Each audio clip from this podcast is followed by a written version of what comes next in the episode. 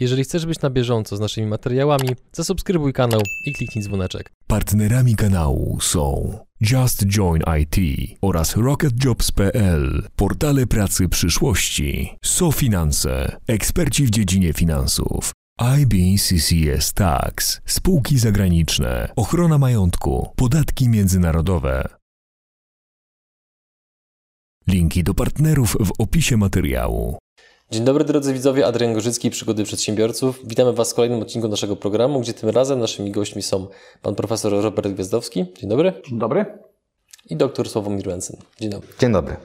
Z perspektywy czasu, jak oceniacie projekty polityczne swojego kontrdebatanta? Ja już kilkukrotnie oceniałem projekt polityczny pana profesora. Patrząc mu w oczy? Patrząc mu w oczy, jeszcze nie miałem okazji. Najpierw napisałem do pana profesora list otwarty, nie pomogło, więc następnie nagrałem chyba dwa wykłady na ten temat, które niestety całkowicie się sprawdziły. Przy czym to, że miałem rację, tak mi się wydaje, nie wynika z tego, że tam lepiej rozeznaję rzeczywistość. Po prostu miałem te dwa czy tam trzy lata politycznego doświadczenia więcej. Bo gdybym ja ten projekt zobaczył w roku 2014-2015, to pewnie sam bym się do niego zapisał, bo to właśnie było to, o co mi chodzi. Tylko te dwa, trzy lata nauczyły mnie tyle, że już wiedziałem, że to bez sensu. I, i to się okazało po prostu kluczowe w tym momencie. Te, panu profesorowi zabrakło po prostu tej odrobinki chociaż doświadczenia, bo gdyby je miał w polityce akurat, to by od razu zrozumiał co i jak. To dla tych osób, które nie widziały Twoich materiałów oraz nie czytały listu otwartego, to jakie Twoim zdaniem pan profesor popełnił błędy, jeżeli chodzi o politykę? Pan profesor strasznie wierzy w ludzi. Bardzo wierzy w ich rozum. I to można się zawieść na tej wierze bardzo, bo jak niejednokrotnie próbowałem przekonać, większość ludzi mniej myśli, a bardziej odbiera emocje. W związku z czym, jak chcemy do nich trafić, to musimy trafić do tych emocji, a nie do tego rozumu. To nie do końca jest tak. Bo ja sam studentów nauczam, na czym polega proces podejmowania decyzji i tak naprawdę kierowania się rozumem, bo my się kierujemy emocjami, bo nasz umysł tak jest zbudowany. Tak? Najpierw jest mózg gadzi, potem ta część limbiczna, czyli mózg saczy, a gdzieś tam na koniec ta kora szara. Tak? I my się nią rzadko posługujemy.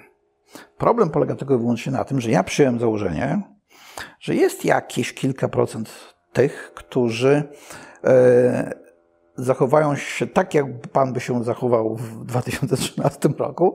Będą, no dobra, to może wyłączmy emocje i pomyślmy, tak?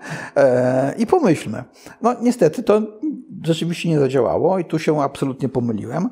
E, jest mniej niż 5% ludzi, którzy potrafią włączyć system 2, jak to Kahneman pisał, bo im się nie chce, bo bardziej kierują się emocjami i bardziej przyjęli hasła pod tytułem żadnych Żydów, żadnej aborcji, co tam jeszcze było w tej, tej pana piątce.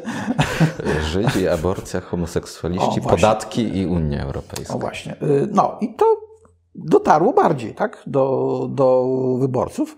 E, więc tak, e, z perspektywy czasu, oczywiście pan Sławek miał rację. Próba odwoływania się do e, racjonalności w polityce nie miała szans powodzenia.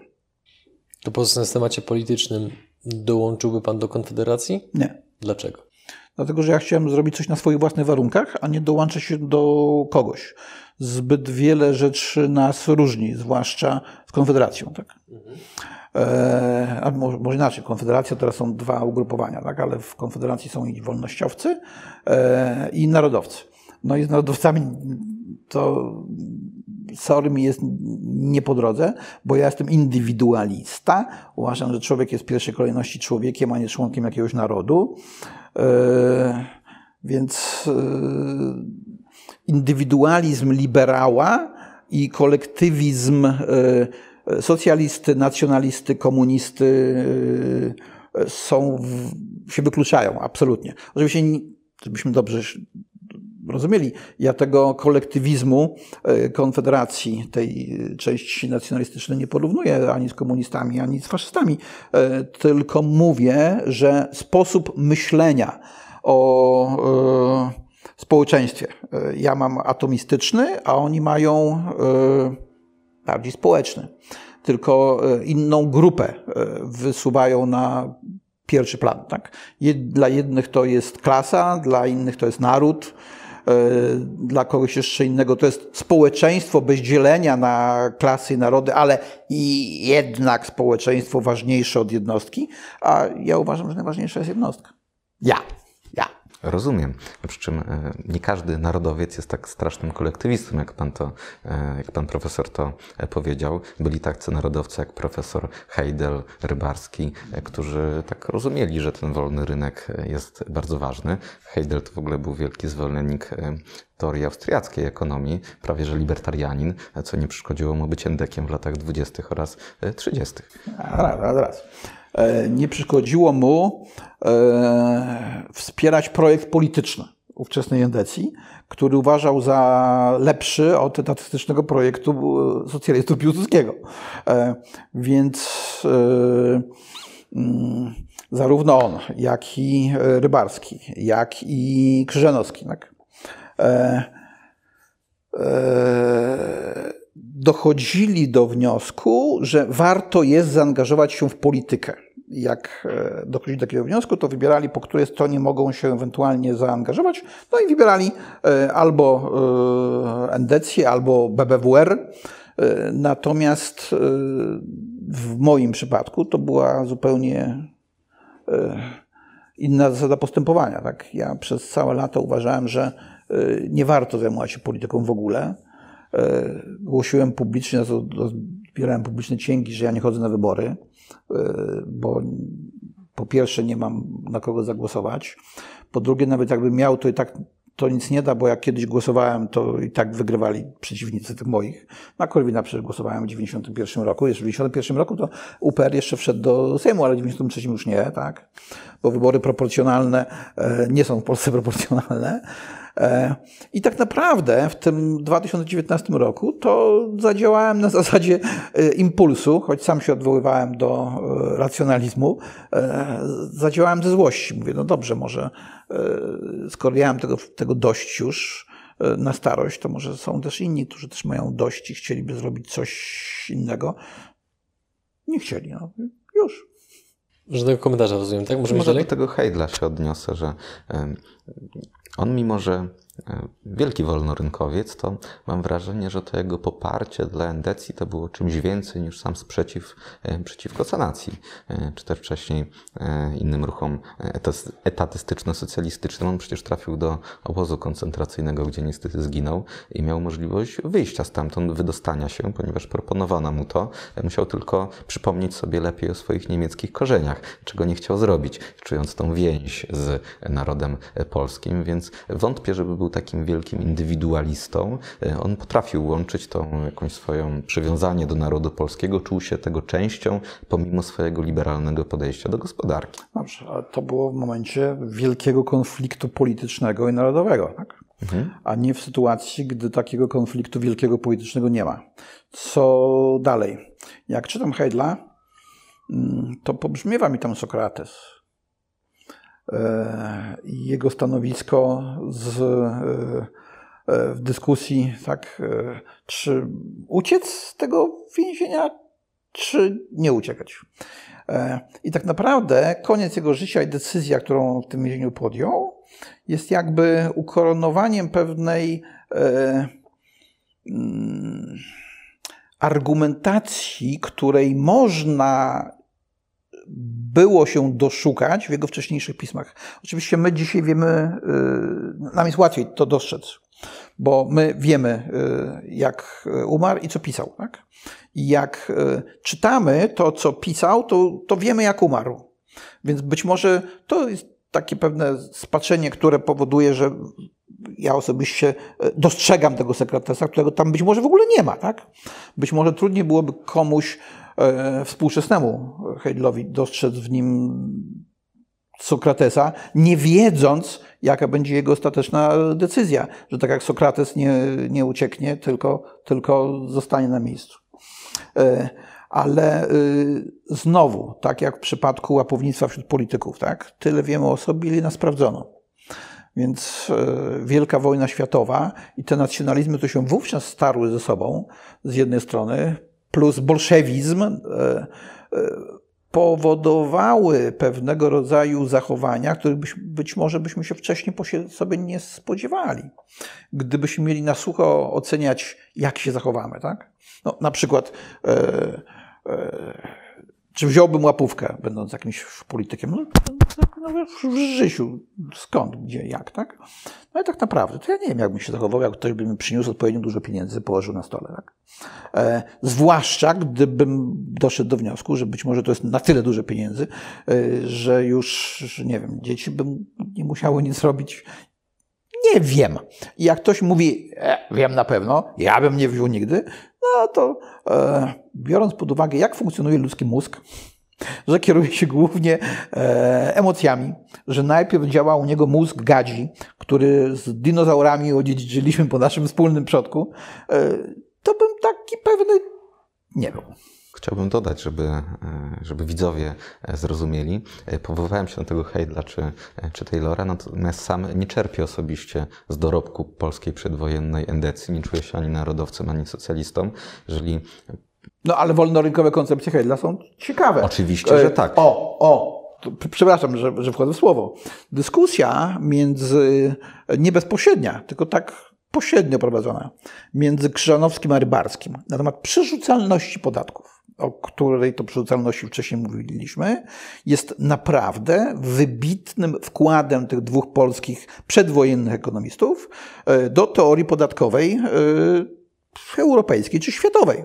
No, niestety nie byli tłumaczeni, e, a poza tym dzisiaj o przerzucalności podatków się raczej nie dyskutuje, bo to taki cienki temat, e, ale jako kontynuacja tego, co pisał o przerzucalności Smith czy Ricardo, e, to, to co pisał i, i Rybarski i Krzyżanowski było naprawdę bardzo ciekawe. Zgadzam się, również u Heidla jest mnóstwo ciekawych argumentów przeciwko współczesnym libertarianizmom, ponieważ on rozumiał, że to, że jesteśmy zwolennikami gospodarki wolnorynkowej, to nie znaczy, że możemy zapominać o tym, że obok mamy armię niemiecką e, i sowiecką no, i należy coś z tym zrobić. No to państwo niestety, mimo czego byśmy bardzo nie chcieli, ale jakąś rolę e, odegrać musi. Natomiast zmierzałem właśnie do tego, że z tych stronnic przedwojennych to najbardziej się e, przywiązuje do, czy przyznaje do, czy to żubrów wileńskich, czy do konserwatystów, takich jak Jan Janusz Radziwiłł, bracia Męckiewiczowie, którzy stali na zupełnie e, przeciwnym biegunie niż endecja. Czy w związku z ogromnym wzrostem wydatków publicznych, zadłużenia, fatalnej demografii i braku reformy systemu emerytalnego, wizja bankructwa Polski może się zrealizować w ciągu najbliższych kilku lat? W kilku lat to raczej nie. E, kiedyś, e, kiedy jeszcze zajmowałem się nauką i pisałem doktorat właśnie z długu publicznego, z badań wyszło mi, żeby takie państwo jak Polska miała duże problemy gospodarcze w wyniku przesadnego zadłużenia, to to zadłużenie musiałoby porządnie przekroczyć 90% względem e, PKB. Obecnie z powodu tej, tego progu konstytucyjnego mamy problemy z przekroczeniem 60%. Oni tam oczywiście próbują to omijać na różne sposoby, ale dalej daleko nam bardzo do 90% i szybko raczej tam e, nie dotrzemy, a to jest dopiero poziom, przy którym robi się niebezpiecznie. Przy obecnych prawie że zerowych stopach procentowych państwa niestety mogą się naprawdę bardzo zadłużyć i do momentu, kiedy nie pojawi się bardzo wysoka inflacja, do momentu, kiedy mocno nie wzrosną stopy procentowe, a co za tym idzie koszt obsługi takiego długu, niestety państwa mogą pozwolić co na bardzo wiele, co cały czas obserwujemy. Większość państw zachodnich teraz zadłuża się na potęgę, a my właśnie dzięki tej starej konstytucji e, Kwaśniewskiego nie mamy takiej okazji. No tak, i mamy dosyć dużą poduszkę, więc szybko nie zbankrutujemy. Aczkolwiek ktoś spodziewał się w 2008 roku, że w 2011 zbankrutuje Grecja? Pewnie nikt.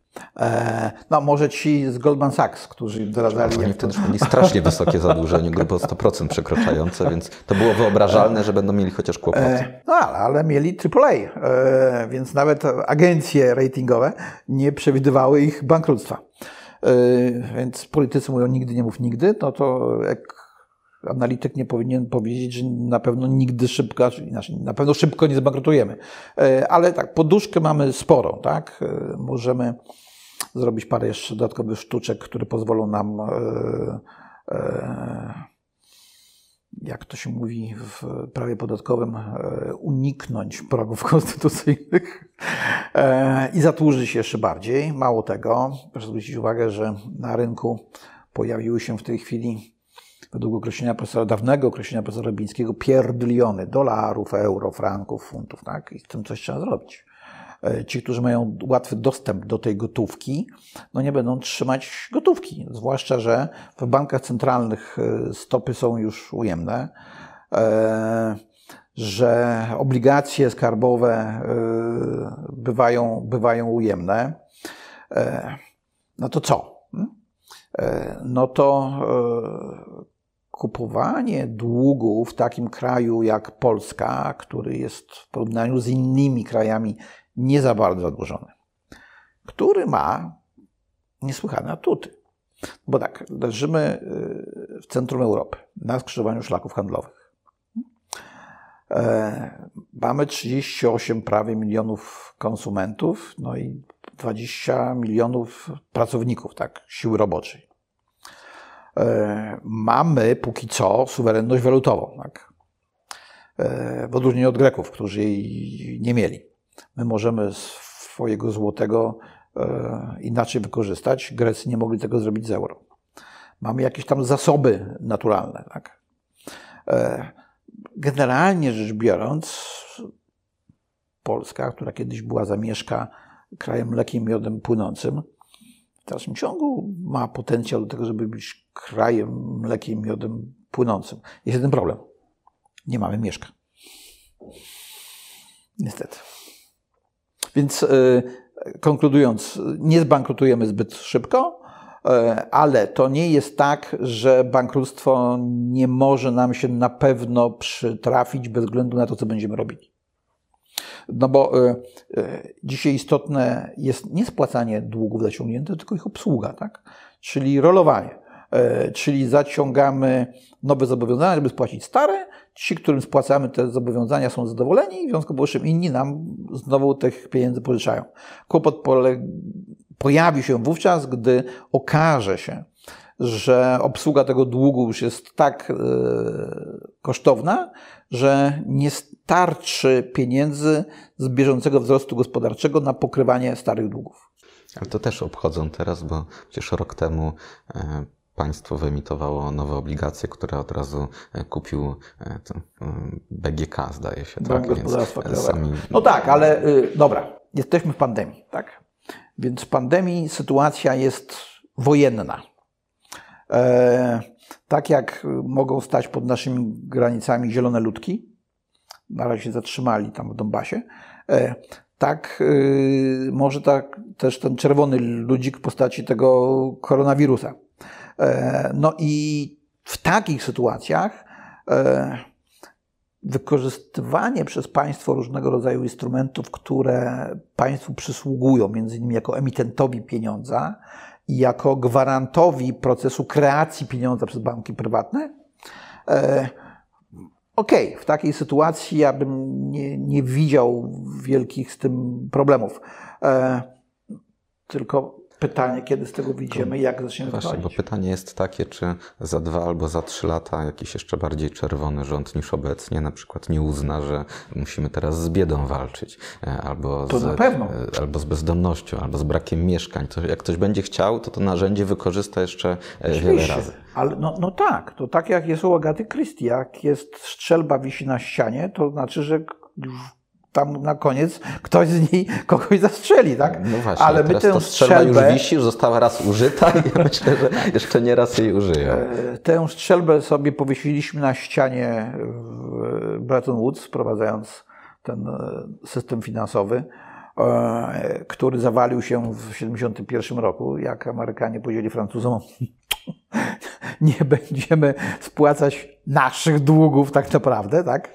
E, czyli nie będziemy wykupywać swojego własnego dolara za to złoto, co do którego się zobowiązaliśmy, tak, że będziemy tyle i tyle go wypłacali za każdego naszego dolara.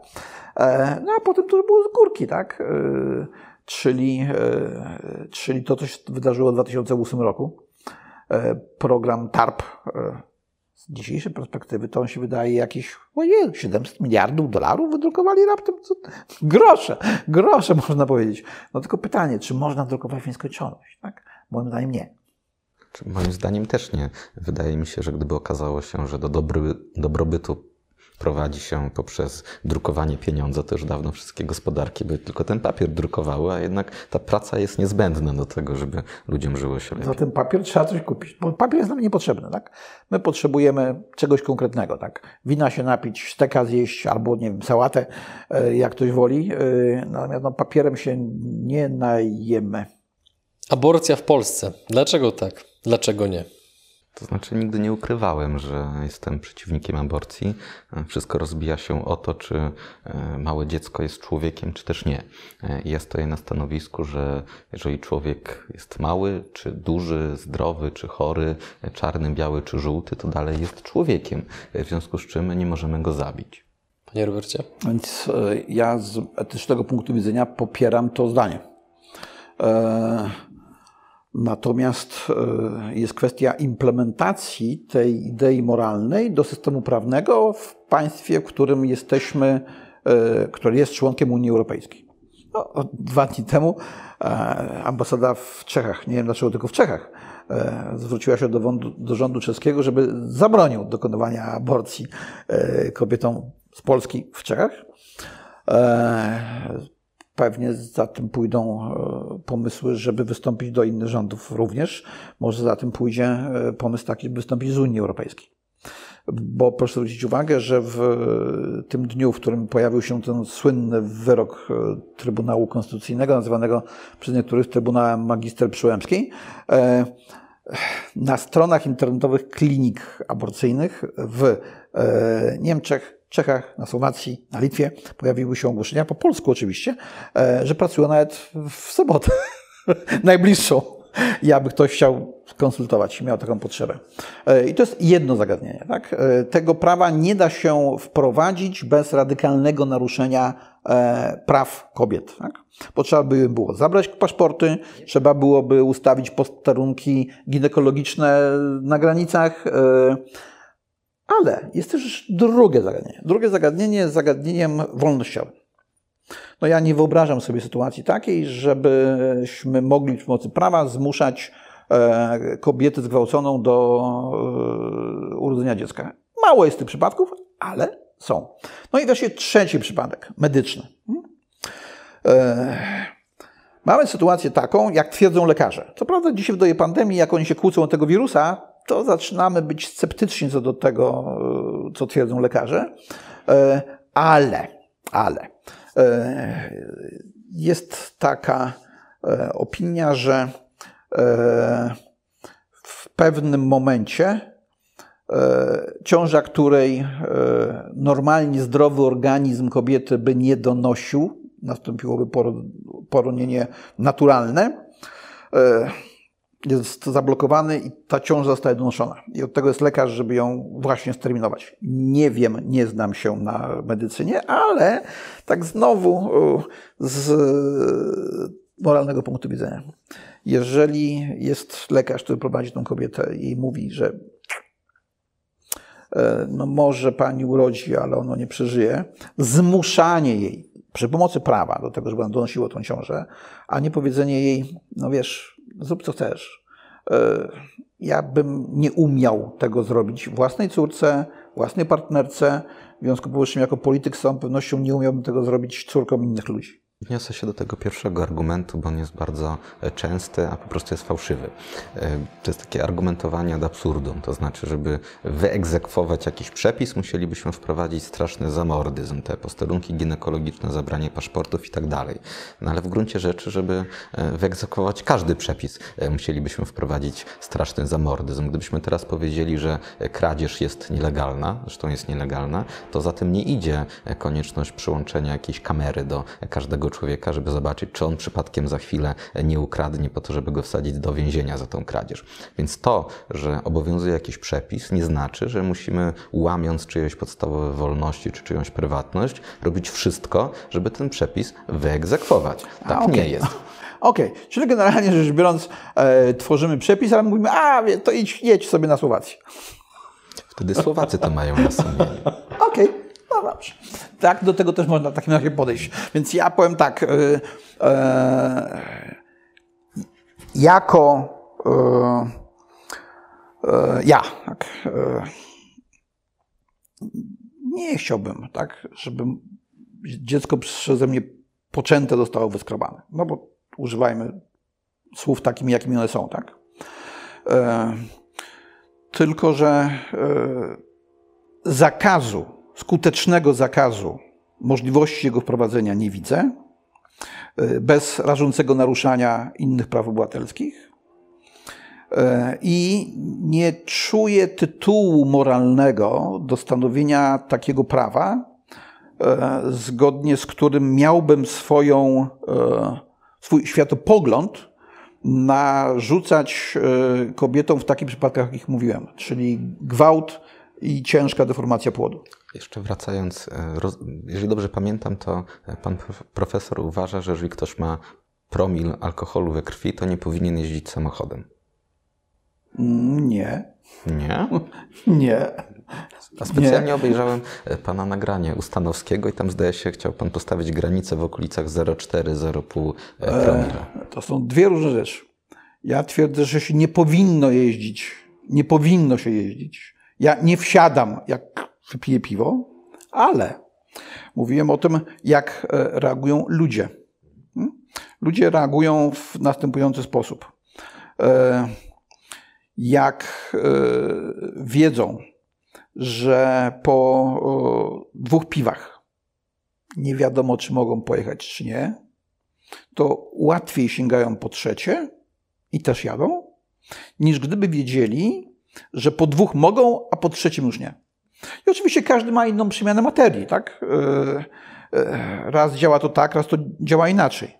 Ale, ale, tak samo jak mówię, że jestem przeciwnikiem aborcji, tak samo mówię, że jestem przeciwnikiem picia alkoholu przed e, prowadzeniem samochodu. A kwestia regulacji prawnych to jest zupełnie druga sprawa. I teraz pytanie, co możemy zrobić, tak, żeby pewne rzeczy wyeliminować.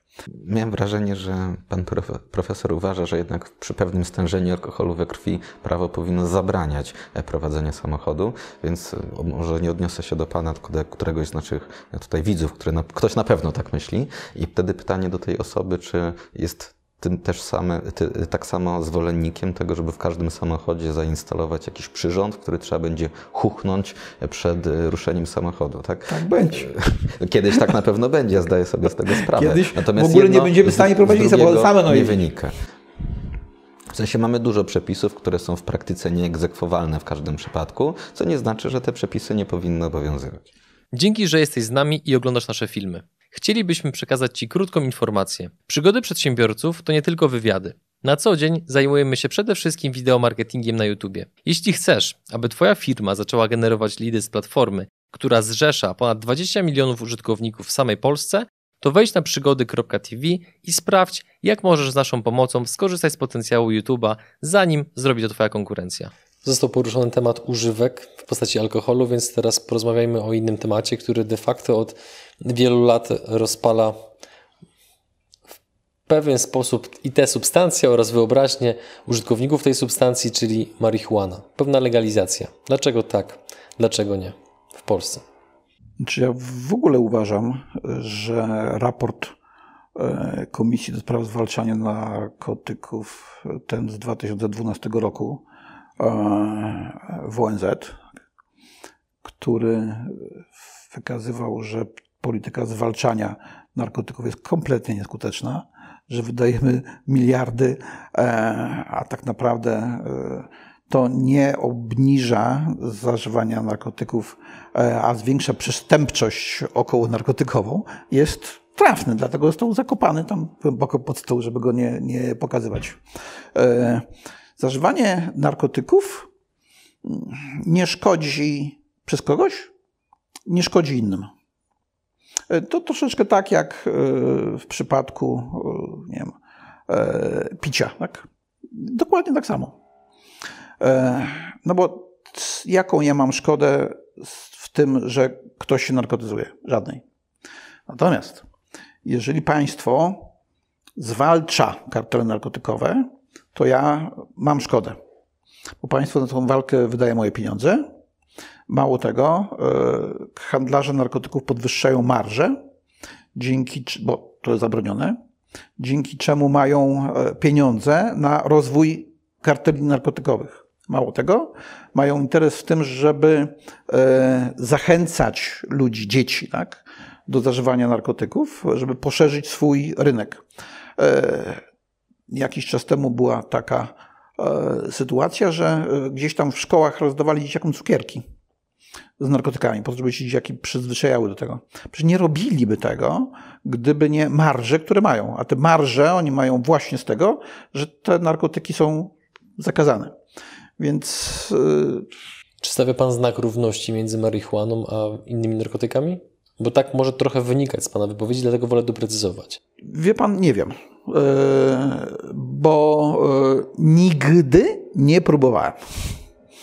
Yy, Żałuje Pan? Nie. Nie, dlatego że po pierwsze nie wiem, czy ja bym raz próbował, to bym nie wziął drugi, potem trzeci, a, potem bym nie uznał, że jest tak fajnie, że ta sama Maryśka już nie, nie wystarcza i trzeba wziąć co więcej, coś mocniejszego, tak? Ja wiem, jaki miałem kłopot, mimo że krótko paliłem, z rzuceniem palenia.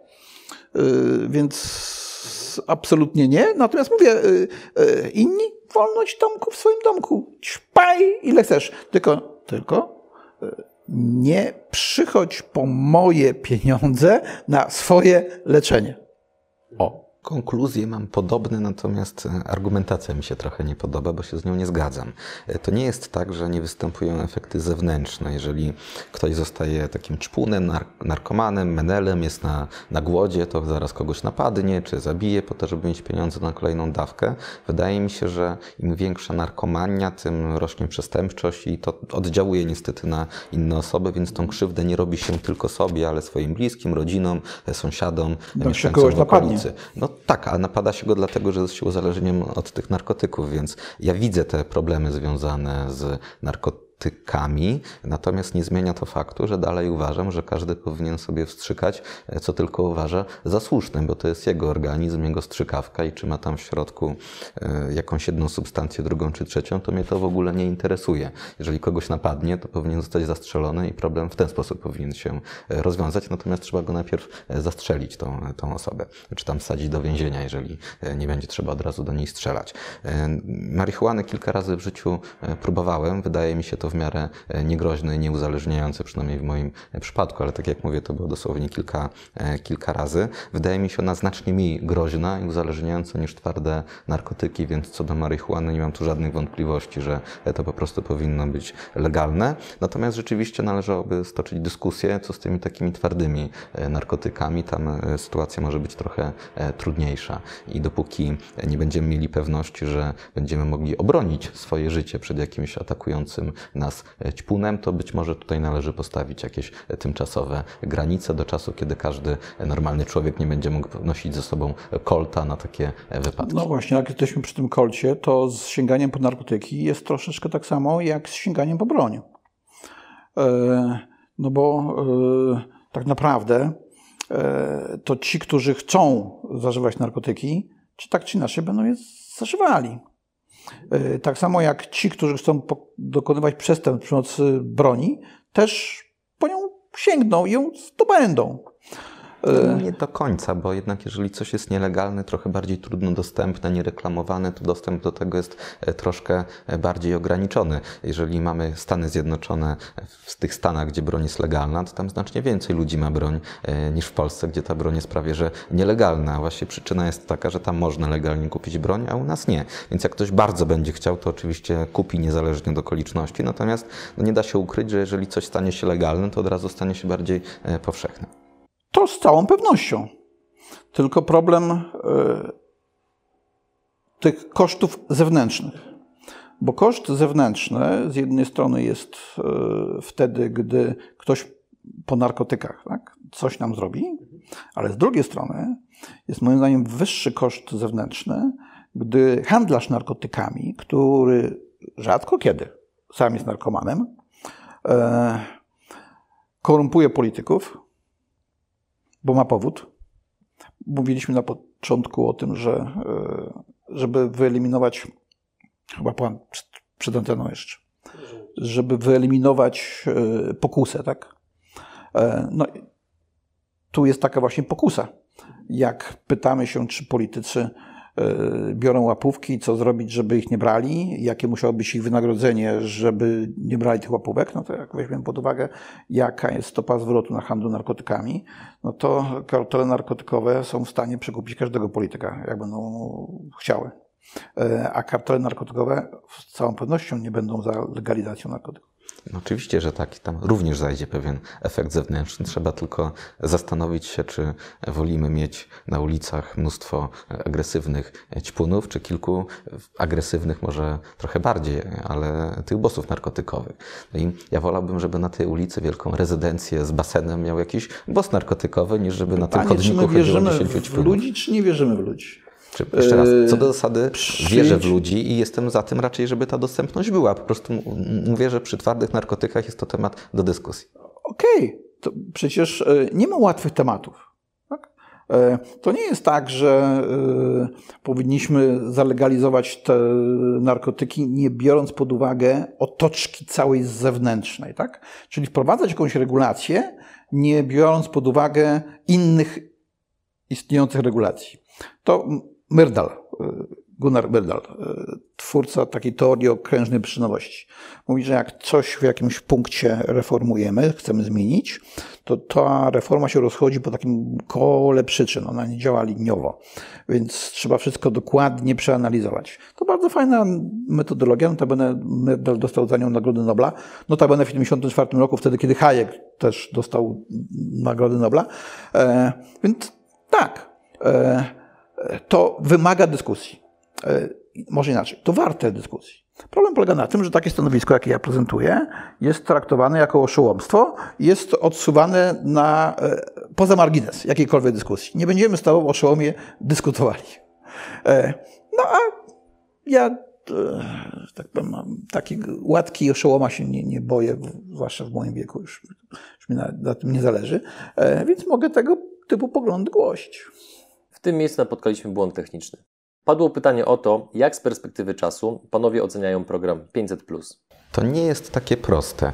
Problem polega na tym, że współczynnik dzietności, czy też liczba dzieci zaczęła rosnąć jeszcze przed nawet zapowiedzeniem 500, w związku z czym nie wydaje mi się, żeby to akurat była przyczyną. Przyczyną była bardzo dobra e, sytuacja na rynku pracy. Gdy spojrzymy na badania z zachodu, okazuje się, że e, główne znaczenie dla kobiet, e, czy chcą zajść w ciążę, czy nie, jest to, czy będą bezpieczne po urodzeniu dziecka. To znaczy liczy się to, czy są przedszkola, czy są żłobki, czy będzie mogła wrócić wrócić do pracy, to jest istotne, a nie czy dostanie jakiś zasiłek, e, czy jakiś bezpośredni transfer pieniężny. Więc pierwsza rzecz jest taka, że e, ten proces zwiększania się dzietności e, pojawił się chyba od roku 2014 mniej więcej, kiedy nikomu jeszcze 500 plus się nie śniło, a wynikało to z, drugiej, z drugiego, drugi powód był taki, że po prostu były późne urodzenia, bo panie, które się urodziły w tym 82 czy 83 roku, to właśnie dla nich to był ostatni moment, żeby jakieś dziecko jeszcze urodzić i, i po prostu e, to dziecko jeszcze jedno e, urodziły. No tak, ale przedszkoli i żłobków nam specjalnie nie przybyło. Poprawiła się sytuacja na rynku pracy. E, czyli zła sytuacja na rynku pracy e, była przyczyną, wcześniejsza, była przyczyną e, niższej dzietności. Jedną z a, przyczyn, tak. A zła sytuacja na rynku pracy wynikała między innymi z nadmiernego opodatkowania pracy. Co powodowało, że nie było stabilności, bo więcej było pracy na czarno, znaczy nie może więcej, ale dużo było pracy na czarno, a mniej pracy oficjalnej. W momencie, gdy poprawiła się sytuacja na rynku pracy, no to zostało to wchłonięte między innymi dlatego, że zmieniła się, a dokładnie mówiąc pogorszyła sytuacja demograficzna, bo w tej chwili schodzą z rynku pracy e, pokolenia wyżu demograficznego, masz roczniki wyżu, wyżu demograficznego, a wchodzą roczniki niżu demograficznego. Panie profesorze, a gdzie jest wyższa dzietność? W Warszawie czy na Podkarpaciu? Na Podkarpaciu. I gdzie jest więcej pracy na czarno? E, Na Podkarpaciu. No właśnie, tylko bo to ona jest stabilna. tylko ona jest jest, de- sta- tylko to ona nie jest jest decydujący stabilna. czynnik Do. Warszawy przyjeżdżają ci, którzy Młodzi uciekają ludzie. z Podkarpacia, bo chcą tu robić karierę. To mają świetną sytuację zawodową, która niestety nie jest wystarczająca do tego, żeby mieć wiele Tak. dzieci. Tylko, że y, na świecie więcej dzieci rodzi się w krajach biedniejszych. E, Dlaczego tak się dzieje? Tak się dzieje dlatego, że y, ludzie jednak traktują dzieci jako pewnego rodzaju dobro inwestycyjne. E, Słynne e, debaty na ten temat z lat e, 80. ubiegłego wieku e, właśnie pokazują, że e, w biedniejszych krajach ludzie, e, którzy mają więcej dzieci, mają te dzieci i cieszą się na przykład, że udało im się je wykształcić. I to teraz one na nich pracują. Tak zawsze to działało. Problem e, polega między innymi na e, systemie emerytalnym. My dzisiaj nie mamy żadnego poczucia, że e, nasza emerytura zależy od naszych dzieci. Mimo, że zależy. No bo e, my nie płacimy na swoją emeryturę składek, tylko na emerytury naszych rodziców i dziadków, w nadziei, że nasze dzieci będą płaciły na naszą. A nie robimy tych dzieci, e, w związku powyższym nie bardzo będzie komu płacić składki na nasze emerytury. E, Więc e, nastąpiło zerwanie takiego związku międzypokoleniowego. E, I to w dłuższej perspektywie czasu bardzo źle będzie rzutowało na przyszłe pokolenia. E, Ja, moje pokolenie to jeszcze daje, daje sobie radę, ale na przykład wasze, to już nie wiem. Moje będzie miało bardzo niedobrze, ale poruszył Pan jeszcze jedną znaną tezę, w którą również nie wierzę. To jest teza, którą Korwin również bardzo często głosi, że system emerytalny rozmontował nam dzietność. I teraz, gdyby to była prawda, to by znaczyło, że ludzie w wieku dwudziestu kilku lat myślą o tym, co będzie z nimi na emeryturze. A gdyby ci ludzie myśleli o tym, co będzie z nimi na emeryturze, to już teraz by na tą emeryturę oszczędzali, czego nie robią. Bo powód jest taki, że nie myślą. Nie myślą, Przeciętny- oczywiście. i to nie ma znaczenia dlatego, czy on ma dzieci, czy nie ma dzieci, bo on nie myśli o tych dzieciach w kontekście emerytalnym. On w ogóle nie myśli o swojej emeryturze. Przeciętny dwudziestolatek nie wierzy, że będzie miał kiedyś 60 lat, to będzie... Tak jest. Więc I dlatego trzeba mu powiedzieć, żeby zaczął myśleć. Dlaczego on nie wierzy? No, taki Gwiazdowski opowiada, że nie będzie tam pieniędzy na te emerytury. No przecież tak, rodzice mają. Dziadkowie u, mają. E, Jadę gdzieś na wakacje, to do dziadka zawsze coś tam skapnie, tak? E, No jakoś to będzie. E, I dlatego właśnie nie myślą o swojej emeryturze, bo wiedzą, że jakoś to będzie. I to, że deklarują werbalnie, nie wierzą w ZUS, e, to, to trochę taka czcza deklaracja. Oni tak głęboko to wierzą w ten ZUS. E, Dziadkowie mieli emeryturę, rodzice mają emeryturę, to ja będę miał jakąś emeryturę. E, Nie dostrzegają związku między tym, że e, płacą składki nie na swoje emerytury, tylko na czyjeś. Niestety. Przy czym e, uważam, że to zerwanie tej świadomości ludzi o tej emeryturze to już nastąpiło grubo ponad 100 lat temu, kiedy jeszcze te rodziny były takie wielopokoleniowo, wielopokoleniowe i człowiek od samego No, ale dzieciństwa wtedy nie widział, było pigułki antykoncepcyjnej. Widział wtedy właśnie, jak żyją jego rodzice, jak żyją jego dziadkowie, że ci rodzice się opiekują dziadkami i tak dalej. To od maleńkości był w to wdrożony. Natomiast już od wielu lat niestety e, świat w ten sposób nie wygląda i ludzie właśnie nie wiążą swojej przyszłości z tym, co się dzieje teraz. Dlatego właśnie też e, nie, nie podoba mi się teza Korwina, bo gdybyśmy teraz jakimś cudem rozmontowali ten system emerytalny, to znowu dzietność od tego nie wzrośnie, bo ci dwudziestolatkowie nie skojarzą sobie jednego z drugim i nie pomyślą o tym, że jak nie będą mieli dzieci, to nikim tej emerytury nie wypłaci. Systemu emerytalnego rozmontować się w demokratycznym państwie nie da.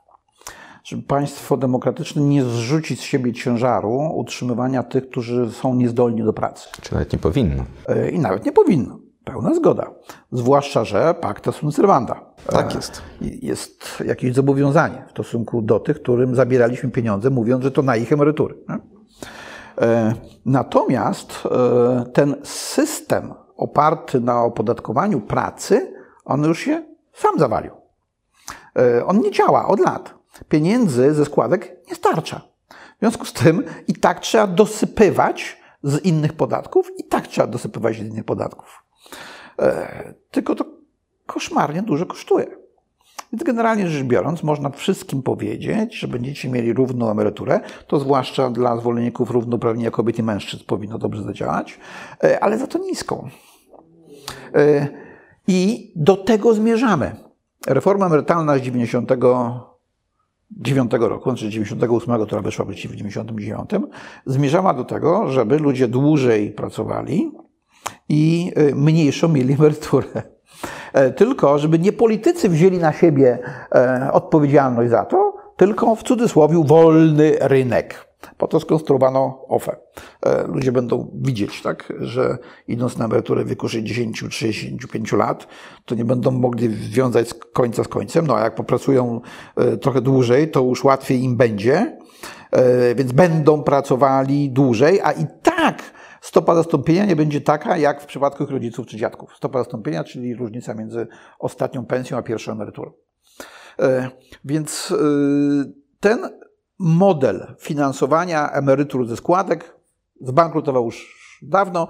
E, akcjonariusze muszą dopłacać z innych źródeł. Tym innym źródłem są inne podatki, które wpływają do budżetu, z którego to budżetu idzie dofinansowanie do ZUS, który to ZUS wypłaca dzisiejsze emerytury. Jeśli mogę, bo tu bardzo płynnie przeszliśmy do tej emerytury obywatelskiej właśnie i sposobach zapytać. jej finansowania. Jak mam tę okazję, to chciałem właśnie wyrazić swoją wątpliwość. Ona jest następująca, bo jeżeli dobrze rozumiem, Mówimy cały czas w kontekście tego, że powinien być podatek przychodowy plus podatek od funduszu wynagrodzeń, tak żeby mm, z tego finansować wszystkie wydatki państwa, tam pomijając VAT, akcyzę i tak dalej. No nie, no nie pomijając VAT-u, bo znaczy, VAT jest podstawowym podatkiem. Mówię o tych podatkach, o których rozmawiamy, czyli dla przedsiębiorstw przychodowy, dla ludzi podatek od funduszu wynagrodzeń, tak? To nie dla ludzi, tylko znaczy, dla przedsiębiorców. Dla firmy, ale podatek od, od wynagrodzeń. Właśnie ten, e, ten model ma dla mnie jedną wadę, e, bo to się skończy tym, jeżeli ktoś dostanie emeryturę, niezależnie od tego, czy jakieś składki są od niego płacone, czy też nie są płacone, to jaką on będzie miał motywację do tego, żeby mieć jakiekolwiek wynagrodzenie legalne na papierze? No motywacji żadnej mieć nie będzie. A patrząc z kolei od strony pracodawcy, czy też od przedsiębiorstwa, to jak mamy podatek przychodowy i tych wynagrodzeń i tak nie ma w kosztach, to jakie to przedsiębiorstwo ma motywację do tego, żeby księgować wydatki na e, pracownika? No znowu żadne. W związku z czym pojawia się olbrzymia e, szara e, strefa i olbrzymie takie wynagrodzenia, czy fundusze wynagrodzeń, których nie będzie widać na papierze. No bo ani przedsiębiorca, ani pracownik nie będą mieli absolutnie żadnej motywacji do tego, żeby ucywilizować ten stosunek pomiędzy nimi i odprowadzać od niego jakiekolwiek podatki. W obecnym systemie to trochę, trochę działa, ponieważ pracodawca może sobie takie wynagrodzenie wrzucić w koszty, z kolei pracownik pracownik ma poczucie, że jakieś składki od niego mu tam na tą emeryturę pracują. A na przykład z NFZ-em tego poczucia znowu nie ma, bo niezależnie od tego, ile ktoś płaci składki zdrowotnej, to dostęp do szpitala i tak, i tak ma prawie że żaden. W związku z czym ktoś może tam mieć 100 zł na umowie zlecenie i ma dostęp do tego szpitala dokładnie taki sam, czyli że prawie że żaden, jak ktoś ma wynagrodzenie 10 tysięcy na umowie o pracy. I o ile znam osoby, którym zależy, żeby płacić ubezpieczenie społeczne, tyle w zasadzie nie znam nikogo, komu zależy na tym, żeby płacić jakąkolwiek wyższą niż absolutnie absolutnie minimalna składka na ubezpieczenie zdrowotne. To była argumentacja nieoficjalna, która tkwiła za reformą emerytalną w 1998 roku. No pani pamięta, e, a ja, a ja tak. E, to był właśnie argument nie wypowiadany głośno. Jak prowadzimy taki model, to pracownicy będą pilnowali pracodawców, nie będą chcieli pracować na czarno, będą sprawdzać, czy oni odprowadzają te składki, po to, żeby mieć wyższą emeryturę. E, no tylko e, najwyższe bezrobocie w historii e, przemian naszych 30-letnich, to mieliśmy już po wprowadzeniu tego modelu. Ono ocierało się o 20%. Więc poziom bezrobocia i pracy na czarno nie jest absolutnie uzależniony od tego, czy ktoś ma nadzieję na wyższą emeryturę, czy nie ma takiej nadziei. Bo jak sytuacja jest taka, że pieniędzy nie ma, to nie ma. Ale ale e, tak naprawdę to e, większość dużych przedsiębiorstw, które mają e, duże zatrudnienie, nie zatrudniają na czarno. Tak, na czarno to zatrudniają misie, małe i średnie przedsiębiorstwa. To one czy tak, czy inaczej zatrudniają A ilu na czarno. pracowników pracuje w misiach? E, aż w miarę rozwoju sytuacji, no, w sumie 75% pracujących legalnie i 100% pracujących nielegalnie. No właśnie. E, no, właśnie. E, no ale było inaczej? E, nigdy nie było inaczej. Bez względu na to, czy mamy składkę, czy nie mamy składki, od której teoretycznie zależna jest wysokość emerytury.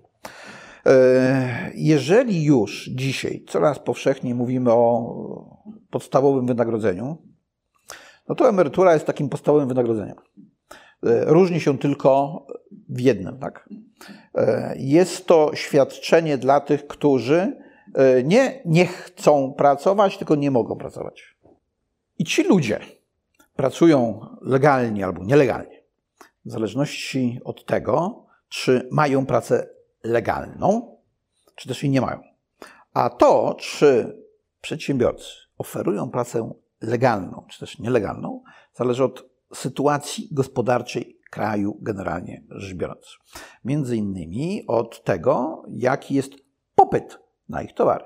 A ten popyt tworzą z wynagrodzeń netto. Netto. Ci pracownicy, których oni zatrudniają. Więc jeżeli oni im obniżają wynagrodzenia netto, bo więcej odprowadzają e, różnego rodzaju składek, to siłą rzeczy popyt na te towary w tym segmencie misi jest niższy. Więc z jakiegoś powodu jest tak, że obniżenie podatków, w tym składek, poprawia sytuację na rynku. E, między innymi mieliśmy taki doskonały przykład w roku 2004. E, w grudniu 2003 roku, jeszcze zgodnie ze starymi przepisami, listopadzie, trzeba było zapłacić e, podatek za listopad i zaliczkę na grudzień w wysokości listopada. Stawka marginalna wynosiła 40%. E, w styczniu 2004 roku wszedł podatek liniowy, płacili już 19%. I nagle się okazało, że w różnych gazetach, które przynosiły oferty pod tytułem koszty sprzedam e, albo koszty kupię, e, tych ogłoszeń było znacznie mniej. E, to działa nie tylko w przypadku podatku dochodowego, to działa także w przypadku kosztów pracy. Mało tego, wbrew pozorom, łatwiej jest kontrolować fundusz prac pracodawcy, no bo wystarczy złapać jednego, którego zatrudnił nielegalnie i wrócić mu jego deklaracje dotyczące funduszu wynagrodzenia, podatku od funduszu wynagrodzeń i przywalić solidną karę, bo w dzisiejszym systemie, jak złapiemy, że jednego e, zatrudnił na czarno, to możemy mu przywalić tylko za zatrudnienie tego jednego na czarno.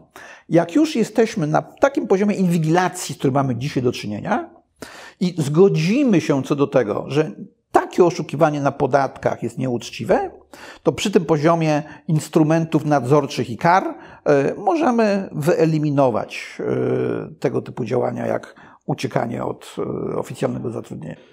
Nie musi mnie pan profesor przekonywać do tego, że niższe podatki są lepsze. Ten mechanizm... Ale słuchaczy niektórych. Aha, słuchaczy być może tak. Niektórych. Natomiast ten mechanizm aż tak doskonale nie działa, ponieważ e, ten popyt na towary czy usługi misiów nie, generuje, nie generowany jest tylko lokalnie. Tam mamy dużo przedsiębiorstw eksportowych, różnego rodzaju firmy usługowe, które pieniądze mają po prostu z zagranicy. Poza tym, jak im zabierzemy te podatki i im oddamy w formie 500, plus, e, tym samym konsumentom na miejscu, nie to nie znowu 500 kupią. plus w nowym systemie.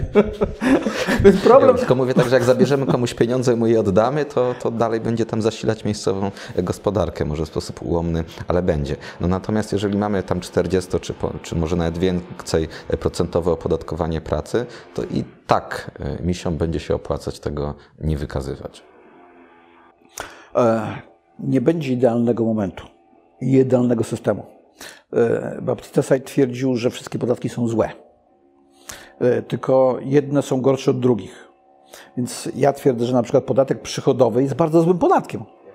Lepiej by go było uniknąć. Panem profesorem się bardzo źle zawsze na ten temat rozmawia, bo jak się wskaże wady podatku przychodowego, to on mówi, że ja wiem, że to jest bardzo zły podatek, ale inne również są złe. Ale natomiast... Nie, nie, gorsze. Jeszcze gorsze. Jeszcze Więc gorsze. Pierwsza rzecz to jest taka, że przedsiębiorcy, którzy są na podatku przychodowym, nie mają absolutnie żadnego interesu w wykazywaniu wynagrodzeń swoich pracowników, ale jest jeszcze drugi problem, bo mamy na przykład w Polsce ile? 2-3 miliony jednoosobowych działalności gospodarczych Mhm. i one również byłyby na 1,5% podatku przychodowym. E, Momencik. Zacznijmy od tego, że mamy dzisiaj podatek e, dochodowy. Nazywa się dochodowy, a tak naprawdę to jest podatek od przychodów ewidencjonowanych. Wszyscy go płacą. Mało tego. E, Ministerstwo Finansów ich zniechęca. Znaczy, znaczy zabrania. Mamy limity, po pierwsze, dotyczące wysokości obrotu, które pozwalają być w tym podatku albo nie być. Po drugie, mamy wyłączenia pewnych branż, które nie pozwalają płacić tego podatku. Trzy e, branże takie zostały. No, no właśnie, tak. E, czyli e, są przedsiębiorcy, którzy by chcieli płacić podatek przychodowy, niedochodowy, ale my im nie pozwalamy i pojawia się teza, to jest zły dla was podatek. No, mój Boże. Jakby był zły, to by go nie wybierali. Po, po tej reformie z tego roku to są, zdaje się, apteki, handel częściami samochodowymi i kantory wymiany walut. I cała reszta działa. W tej chwili już adwokaci mogą być na Teraz prawie wszyscy podatku. mogą być, jeżeli chodzi o osoby fizyczne. Tylko wyższa stawka. Tak, 15-17, ale do czego zmierzam? E, Chodzi mi o to, że jeżeli pozwolimy jednoosobowym przedsiębiorcom płacić 1,5% podatku przychodowego, pan będzie szczęśliwy, ja będę szczęśliwy, e, wszystkie firmy usługowe będą szczęśliwe, bo ten podatek natychmiast mocno im zmaleje. Natomiast pojawi się inny problem. Jeżeli mamy pracownika i musimy zapłacić kilkadziesiąt procent podatku od funduszu wynagrodzeń za tego pracownika, albo tego samego pracownika możemy zatrudnić na B2B i płacić od tego 1,5%, to ta chęć, żeby wszyscy nagle stali się samozatrudnieni, to wystrzeli w kosmos na poziomy dotychczas nieobserwowane. Dlatego podatek od e, osób fizycznych jest inaczej skonstruowany. 1,5% jest dla osób prawnych, czyli dla Google'a, dla Facebooka, dla Amazona. E, Proszę zwrócić uwagę, że rząd planuje wprowadzić im 3% podatek w tej chwili. Tak? E, Mówimy, nie, przesada, e, nie zapłacą 1,5%. To i tak będzie dużo więcej niż płacą w tej chwili. A kto zapłaci ten podatek? No właśnie oni. Nie, A tak? ich klienci. A oczywiście do pewnego stopnia, bo podatki są przerzucalne. Wszystkie podatki są przerzucalne, tak? No właśnie. A które najłatwiej? E, VAT. Najłatwiej są te przerzucalne, które właśnie proporcjonalnie są ustalone na cenę, tak jak przychodowy czy VAT. No y, tak, a dochodowego nie można przerzucić? Znacznie trudniej niż przychodowy. Nie, e, bo odpowiednio określamy swoją marżę, tak? No, nie no, trudniej wykalkulować, ale wcale nie trudniej przerzucić. Znaczy, E, Sposoby przerzucania są różne. Problem polega na tym, że dyskutujemy o systemie kontroli. E, No bo mamy dzisiaj następującą sytuację. E, Podatki są złe, tak? Mm, Z ekonomicznego punktu widzenia każdy podatek wywiera efekt akcyzowy. Jak to się podatkowujemy, tego czegoś jest mniej. Jak opodatkowujemy kapitał, mamy mniej kapitału. Jak pracę, to mamy mniej pracy, większe bezrobocie itd. itd. E, No ale przyjmujemy założenie, że państwo musi funkcjonować. No jeżeli państwo musi funkcjonować, to muszą być jakieś podatki. No bo w te teorię MMT, że mo- more money today, No to- e, to, to specjalnie nie wierzę. E, Więc muszą być jakieś podatki. No i teraz e, mamy stosunek do tych podatków. I tak proszę zauważyć, że e, w przypadku VAT-u, e, który płacą konsumenci, ostateczni konsumenci, stosunek do tych, którzy oszukują na VAT-ie jest bardzo negatywny generalnie rzecz biorąc. Nie wychwalamy się specjalnie tym, że dostał pan wyłudziliśmy VAT. paragon od hydraulika? E, nie, takie rzeczy to w ogóle nie wchodzą w grę, ale nie chwalimy się, że wyłudziliśmy podatek VAT, tak? Natomiast tym, że zrobiliśmy optymalizację podatku dochodowego, no to już się chwalimy na różnego e, rodzaju rautach, które mamy w środowisku. E, e, to bez szczegółów specjalnych, bo to konkurencja jest, tak? E, ale pokazujemy, jak, jacy to my, adwokaci, e, doradcy podatkowi jesteśmy mądrzy, albo nasi klienci mówią, o, jakich ja mam doradców podatkowych, zobacz, jak mi to zoptymalizowali, tak? E, Więc e, pewne podatki e, są inaczej odbierane w społeczeństwie. No i e, takim podatkiem, na którym najłatwiej oszukiwać i on ma największe, oszustwa, na którym mają największą akceptację, jest podatek dochodowy. Też tak uważam. Co doradzilibyście swojemu przeciętnie zdolnemu dziecku, które właśnie napisało maturę? Państwowe studia przed ekranem komputera, niskopłatną pr pracę na start w Polsce, czy od razu wyjazd do kraju o wyższym współczynniku wolności gospodarczej? Panie Robercie. Pracę w Polsce. E... Trochę egoistycznie na to patrzę, tak? No bo no w sumie tam na Skype'ie można gadać ze sobą, ale jednak wolałbym, żeby dzieciaki zostały tu. I znowu, chociaż nikt mi nie uwierzył, to ten mój zryw głupi polityczny w 2019 roku był między innymi spowodowany złością na to, co czeka te dzieci. Ja mam trójkę, a propos demografii. e, że nie wiem, jak one będą dawały sobie radę. E, żadno z nich raczej nie zostanie doradcą podatkowym. E, I e, fajniej by było, żebyśmy my zostawili im lepszy system do życia niż ten, który wydaje się, że niestety zostanie im zostawiony. Tak? Jak będziemy uprawiali taką politykę, jaką uprawiamy w tej chwili. No ale tak, ja pracowałem w Polsce. Czy gdybym mógł dostać paszport, to wyjechałbym za granicę? Nie wiem, bo tak naprawdę to my czujemy się, jesteśmy trochę konserwatywni z natury, tak? Każda jednostka. Czujemy się lepiej w warunkach, do których się przyzwyczailiśmy. Więc próbuj tu. Jak tu się nie uda, no to wtedy wyjedź za granicę. Sławku? Również nie chciałbym, żeby żadne z moich mojej trójki dzieci e, wyjechało za granicę, natomiast jeżeli któreś będzie chciało, no to siłą go nie zatrzymam. E, a to, czy powinni pójść na studia, czy, e, czy do pracy, no to już będzie ich wybór. Obecnie moja siedmioletnia córka twierdzi, że ona nie chce iść na studia, bo ona chce znaleźć męża, który będzie ją utrzymywał. Być może tak sobie ułoży to życie, to jest jej sprawa.